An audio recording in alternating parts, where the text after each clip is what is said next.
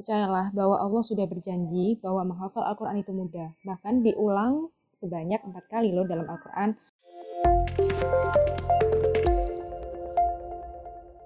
Assalamualaikum warahmatullahi wabarakatuh. Halo semuanya, halo sahabat Ul Asmi. Gimana nih kabarnya kalian hari ini? Semoga kita semua dalam keadaan sehat ya, dan jangan lupa buat tetap dijaga protokol kesehatannya. Oke? Okay? Oke, okay, sebelum kita masuk ke topik kita hari ini nih, aku mau perkenalan dulu. Halo, nama aku Ais, aku dari Prodi Matematika Angkatan 2019. Kali ini aku bakal mandu program Bincang Inspiratif episode perdana kali ini. Sesuai judul podcast nih, kita bakal ngebahas tentang penghafal Al-Quran. Wow, episode perdana tapi udah berat ya bahasannya. Banyak dari kita pasti uh, minimal lah pernah nyeletuk, wah enak ya jadi penghafal Al-Quran, bisa A, bisa B, pengen deh jadi penghafal Al-Quran biar bisa ngebahagiain uh, orang tua misal. Tapi kebanyakan nih biasanya cuma omong doang. Ini salah satunya aku sih. Maaf ya semuanya ini bukan contoh yang baik jadi jangan ditiru. Atau enggak kita udah nawa itu nih udah start tapi pas tengah-tengah mulai turun mulai turun dan akhirnya nggak ada progres sama sekali. Ini relate banget sih. Kita sebagai mahasiswa kan pasti banyak banget kan kesibukannya. Belum kuliah, belum kemanitiaan, organisasi, kerja, dan lain sebagainya. Tapi, tenang everyone, bentar lagi kita bakal kedatangan tamu yang istimewa, orang yang pro, dan pastinya bisa jadi contoh buat kita semua. Ini dia Kak Ratna. Assalamualaikum Kak Ratna. Waalaikumsalam warahmatullahi wabarakatuh Mbak Ais. Selamat malam. Selamat malam Kak Ratna. Gimana nih Kak kabarnya hari ini? Ya Alhamdulillah luar biasa masih diberikan kesehatan semuanya. Alhamdulillah. Oh ya guys, for your information, Kak Ratna ini adalah salah satu alumni Universitas Airlangga yang merupakan penghafal Al-Quran. Masya Allah. Karena banyak yang bilang nih, kalau nggak kenal maka nggak sayang, mungkin Kak Ratna bisa uh, memperkenalkan diri lebih lanjut lagi biar kita nih sama pendengar nih kak bisa lebih deket dan ada chemistry-nya gitu kak. Oh iya siap. Uh, terima kasih buat waktunya. Uh, jadi perkenalkan nama saya Ratna Devi Antari, biasa dipanggil Ratna. Uh, saya dari pendidikan kedokteran angkatan 17 dan alhamdulillah uh, sudah lulus dari sarjana kedokteran bulan Februari kemarin. Jadi sekarang statusnya sebagai dokter muda, gitu Mbak kalau boleh tahu sekarang kesibukannya apa nih Kak Ratna nih? Kelas kah atau gimana? Oh iya, sekarang kesibukannya sedang dokter muda. Jadi dokter mudanya sekarang masih online dulu karena uh, ya sudah tahu ya situasi sekarang pandeminya makin meningkat, apalagi kasusnya. Uh, jadi ya kita disuruh di rumah dulu sama para dosen, para dokternya gitu. Terus uh, kesibukan yang lain ya seperti biasa ya Mbak Ais, setoran hafalan, kemudian ada beberapa usaha kecil-kecilan seperti itu. Hmm, Masya Allah. Oke oke, kita langsung mulai aja nih Kak, karena aku udah nggak sabar sih jujur langsung pengen tanya-tanya. Uh, Sebenarnya apa sih Kak yang ngebuat uh, Kak Ratna pengen buat menghafal Al-Quran? Dan gimana caranya buat memantapkan hati buat start menghafal? Soalnya kan kita sebagai mahasiswa itu kan kayak mempertimbangkan kesibukan kita yang lain gitu kak. Takutnya keteteran dan lain sebagainya. Kalau menurut kak Ratna gimana nih kak? Ah ya baik. Uh, Bismillahirrahmanirrahim. Saya izin menjawab jadi alhamdulillah sejak sebelum jadi mahasiswa saya sudah mulai menghafal Mbak Ais sejak kelas uh, sekitar kelas 6 MI itu pas mau ke SMP nah awalnya itu saya termotivasi dengan cerita seorang sahabat yang beliau ini menghafalkan Al-Quran tanpa sepengetahuan kedua orang tuanya. Nah, Masya Allah banget kan. Nah, saya nggak bayang itu betapa bangganya orang tuanya yang memiliki anak sehebat dan sesolih beliau. Belum lagi nanti dapat keutamaan dan kemuliaan dari uh, faedah membersamai Al-Quran. Kemudian, jangan jadikan alasan untuk menjauhkan hubungan kita dengan Al-Quran. Karena itu adalah alasan biar kuliah kita makin barokah kalau awalnya memang masih jauh dengan Al-Quran, berarti kita harus PDKT dulu. Baca sedikit demi sedikit, biar cintanya semakin bertambah. Karena semua ibadah itu butuh pembiasaan. Jadi, seiring berjalan waktu, sambil diubah mindsetnya. dari yang awalnya kuliah sambil ngafal menjadi ngafal sambil kuliah. Seperti itu Mbak Ais. Masya Allah. Jadi uh, bisa aku simpulin kalau uh, motivasi terbesar Kak Ratna itu orang tua ya Kak atau bagaimana? Iya, iya seperti itu benar sekali Mbak Ais. Oke, okay. by the way boleh tahu nggak Kak uh, metode apa yang Kak Ratna pakai uh, buat menghafal Al-Quran? Dan mungkin ada tips-tipsnya gitu Kak? Oh iya, uh, saya jelaskan agak teoritis ya, jadi jangan ngantuk singkat aja kok. Jadi untuk tipsnya ya buat teman-teman, yang pertama itu kita harus menjauhi maksiat. Nah, jadi seperti pengalamannya dari Imam Syafi'i yang mengadu kepada Imam Waki bahwa hafalannya susah. Nah, dikatakan ternyata ilmu Allah itu adalah cahaya dan cahaya Allah tidak akan diberikan kepada orang yang berdosa. Itu yang pertama. Kemudian tips yang kedua itu mendekatkan diri kepada Allah dengan yaitu tadi memperbanyak membaca Al-Quran, memohon kepada Allah biar dimudahkan setiap langkahnya. Kemudian tips dari saya yang ketiga, uh, memperbaiki bacaan Al-Qur'annya. Kalau baca Al-Quran, mulai dari sekarang bacanya perlahan, jangan keburu-buru ya, jangan ngebut, uh, dibaca dengan tartil. Nah, kemudian selalu libatkan Al-Quran dalam segala hal. Jadi misalnya kita mau ngantri uh, swab misalnya ya, kita sambil dengerin morotal seperti itu. Kemudian uh, yang terakhir buat target untuk menghafal. Nah itu untuk tipsnya dari saya. Sekarang lanjut ke metodenya ya. Nah, untuk metodenya, pertama uh, sebelum teman-teman memulai hafalan, teman-teman itu harus belajar terlebih dahulu mengenai ilmu Al-Quran seperti tajwid. Nah itu wajib ya tajwid. Kemudian sifatul huruf, gorib dan lain sebagainya. Kemudian kalau misalnya bingung nih, kita uh, mau memulai dari jus yang mana ya gitu.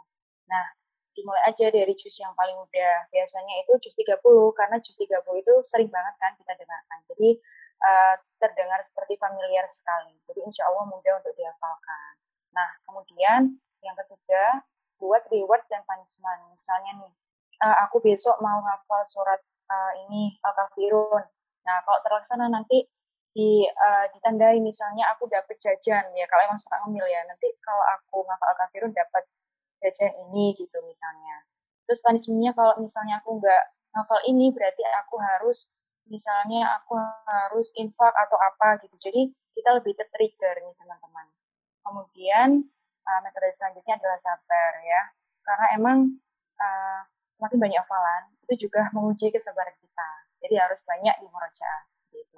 Kemudian uh, cari waktu yang pas karena kalau kita menghafal dalam kondisi lelah, nah itu akan mempengaruhi kefokusan. Jadi otaknya juga lelah, jadi kita sebaiknya istirahat dulu. Nah, kemudian yang paling penting ini jauhi setan gepeng ya atau gadget biasanya itu karena itu sangat apa ya mengganggu sekali ya dalam kita menghafal apalagi nanti notifikasinya itu rame banget. Nah, itu harus kita jauhkan. Kalau bisa HP-nya dimatikan ya itulah. Kemudian uh, yang terakhir adalah disiplin. Nah, gimana maksudnya disiplin itu? Maksudnya adalah kita buat target hafalan, misalnya uh, per hari atau per minggu atau per bulan kita uh, menargetkan berapa, misalnya sehari sehalaman, kemudian dibagi tiap habis sholat berapa halaman seperti itu. Itu sangat fleksibel sekali ya teman-teman. Nah, kemudian alhamdulillah saya bersyukur banget karena uh, di target ini saya sangat terbantu dengan setoran yang diadakan oleh UKMTQ. Selain dapat target, juga di sana saya dapat komunitas, perkumpulan orang-orang yang juga sama-sama berjuang dalam menghafalkan Al-Quran. Karena kenapa teman-teman? Karena uh, kalau diri ini sendiri tuh sering kali lalai ya, malas bahkan putus asa jika melaluinya sendiri. Seperti itu, Mbak Masya Allah, sangat inspiring banget nih Kak Ratna. Kayak aku benar-benar speechless. Berarti Kak Ratna uh, join UKMTQ ya? Iya, saya sejak maba itu sudah ikut UKMTQ Mbak Ais. Uh, dari maba sampai sampai wisuda? Sampai sekarang, setelah wisuda pun saya masih Oh ya guys, for your information, uh, UKMTQ itu UKM Tahfidzul Quran ya guys. Yang mana UKM ini itu wadah buat mahasiswa UNER uh, buat ngehafal Quran. Nah, mungkin uh, bisa diceritakan lebih lanjut Kak pengalaman Kakak di UKMTQ itu uh, seperti apa dulunya? Oh iya. Uh, saya izin cerita secara dikit ya Mbak Ais ya. Jadi uh, UKM Tahfidzul Quran ini tuh tergolong UKM yang baru. Jadi berdirinya itu sekitar tahun 2016 akhir ya, 12 Desember kalau nggak salah. Nah, uh, UKM Tahfidzul Quran ini sendiri tuh banyak sekali program yang bisa saya ikuti. Saya, ya saya ikuti. Uh, pertama itu setoran pekanan yang sudah saya sebutkan tadi setorannya itu seminggu sekali itu yang wajib. Tapi kalau misalnya teman-teman mau setoran setiap hari itu juga nggak apa-apa sih sunnah begitu ya. Kemudian hmm. ada juga kajian kitab bulanan uh, yang mana di sini uh, belajar ngaji kitab uh, yang dipimpin sama Ustadz Ali. Ya kita belajar bagaimana adab seorang penghafal Al-Quran dalam menghafalkan Al-Quran. Jadi itu sangat penting karena uh, sebuah pepatah itu mengatakan bahwa adab sebelum ilmu dan ilmu sebelum Al-Quran. Kemudian, Alhamdulillah saya juga uh, ikut beasiswa dari UKM Tahfidzul Quran. Jadi sejak mahasiswa baru, saya juga Alhamdulillah diberikan amanah sebagai penerima beasiswa sampai saat ini. Jadi ya sangat luar biasa sekali uh, dengan adanya UKM Tahfidzul Quran ini sangat uh, mendukung target target-target saya dalam menghafalkan Al-Quran. Seperti itu, Mbak Ais. Ya Allah. Ini nih buat kalian uh, mahasiswa mahasiswa UNER nih, kalau misalnya kalian uh, pengen ngapal juga, kalian bisa join UKM TK ya. Oh iya kak, uh, aku mau tanya nih uh, problem yang paling mainstream. Uh, seperti yang aku udah bilang di awal, uh, kalau misal kita udah niat, terus udah mulai nih, tapi pas tengah-tengah itu mulai turun mulai turun semangatnya. Entah ketutup sama prioritas yang lain entah kuliah atau kesibukan lainnya. Mungkin Kak Ratna ada solusi atau uh, tips gitu untuk masalah mainstream kayak gini? Oh iya. Uh, jadi uh, kita emang sama-sama belajar ya Mbak Ais. Uh, di sini yang paling penting adalah kita menentukan skala prioritas. Jadi bahwa kita tentukan bahwa Al-Quran itu adalah yang utama bukan sebaliknya. Kalau ada tugas Al-Qurannya skip dulu lah besok lah bisa. Kalau lah kalau nggak ada ujian lah. Apalagi uh, biasanya kalau mendekati uas ya biasanya Al-Qurannya sering tersebut jadi apa pun yang terjadi terjadilah. Tapi kita harus selalu istiqomah gitu dengan Al-Quran. Kemudian kalau emang uh, lagi ngeskip Al-Quran atau Al-Quran sudah nggak jadi prioritas ingat-ingat lagi niatnya menghafal tadi apa. Kalau perlu itu ditulis di kertas terus ditempel dan di tempat yang sering kita baca mungkin di cermin di pintu kamar yang gede gitu kalau bisa nggak apa-apa. Nah nanti biar misalnya kita down itu kita langsung tuh baca tulisannya biar tambah semangatnya lagi. Kemudian uh, yang paling penting dalam menghafal Al-Quran motivasinya itu adalah agar kita uh, bisa menjadi manusia yang Quran manusia segala perilakunya menyerupai Al-Quran jadi uh, biar hidup kita itu terarah, biar hidup kita selamat karena uh, Al-Quran adalah pedoman hidup bagi manusia semua. Seperti itu guys. Wow, um, kita udah hampir di penghujung acara nih kak. Uh, mungkin kak Ratna bisa kasih pesan ke teman-teman yang punya uh, keinginan buat menghafal Al-Quran tapi masih belum ada action, gimana nih kak? Oh iya ini kayaknya pertanyaan seribu umat ini pertanyaan banyak sekali. Untuk teman-teman yang telah diberikan Allah petunjuk untuk mendengarkan sharing singkat mengenai menghafalkan Al-Quran ini, lalu teman-teman tidak memanfaatkannya, maka teman-teman adalah orang yang merugi. Percayalah bahwa Allah sudah berjanji bahwa menghafal Al-Quran itu mudah. Bahkan diulang sebanyak empat kali loh dalam Al-Quran, yaitu yang pertama di surat Al-Qamar ayat 22 yang artinya dan sesungguhnya telah kami mudahkan Al-Quran untuk pelajaran, maka adakah orang yang mengambil pelajaran? Kalau kita masih merasa susah, mungkin mindset kita masih salah, atau mungkin karena terlalu banyak dosa kita. Bahkan bisa juga tuh karena murojaahnya kita yang kurang. Jadi mulai sekarang kita harus yakin bahwa bersama Al-Quran ada kebaikan. Jikalau cepat dalam hafal itu adalah nikmat dan kalaupun lama itu adalah anugerah yang diberikan Allah kepada kita. Oke oke oke siap kak. Dan yang terakhir nih uh, pesan buat teman-teman yang lagi ngafal Al-Quran dong kak, biar makin semangat hafalannya. Iya, uh, buat teman-teman yang sudah menghafal Al-Quran, Mari kita sama-sama berjuang, saling mengingatkan, saling nyemangatin satu sama lain, karena menghafal Al-Quran ini adalah cita-cita kita seumur hidup. Jadi kita harus selalu semangat. Kemudian ditata lagi yuk niatnya, dikuatkan lagi. Niatnya pastikan sudah benar, niat ikhlas karena Allah.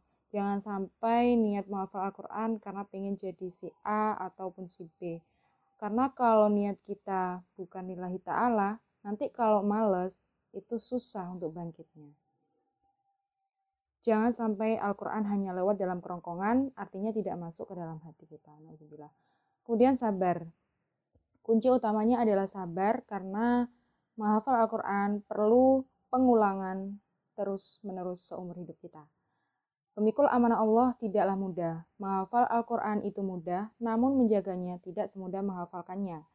Jangan sedih kalau masih belum lancar, karena semakin sering kita mengulang bacaan Al-Quran kita, maka semakin bertambah pula kedekatan kita kepada Allah. Kemudian sesuaikan dengan kemampuan. Uh, kalau misalnya sehari kita mampunya satu ayat saja ya sudah, tidak apa-apa, dijalankan saja asalkan istiqomah. Kemudian kalau kita merasa putus asa, kita harus bisa mempengaruhi pikiran alam bawah sadar kita kita coba mengatakan aku bisa dengan seizin Allah, maka insya Allah nanti Allah akan memudahkan jalan kita. Dan seperti itu seterusnya, kita harus uh, memberikan motivasi pada diri kita sendiri. Kemudian menghafal Al-Quran boleh di waktu luang, tapi menjaganya harus meluangkan waktu.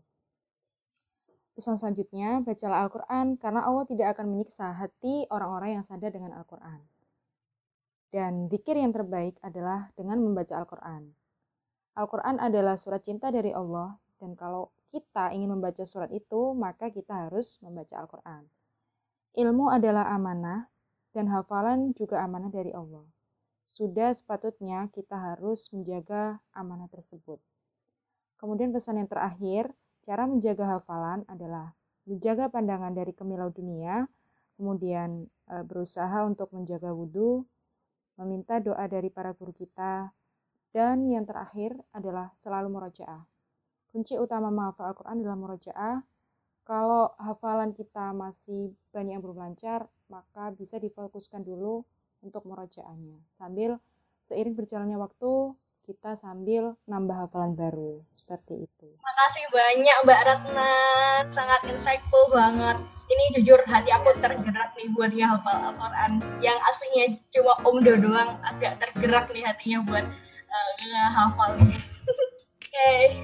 nggak kerasa kita udah ada di penghujung acara. Terima kasih Kak Ratna sekali lagi atas waktunya. Sesi kali ini sangat bermanfaat dan tentunya sangat inspiratif.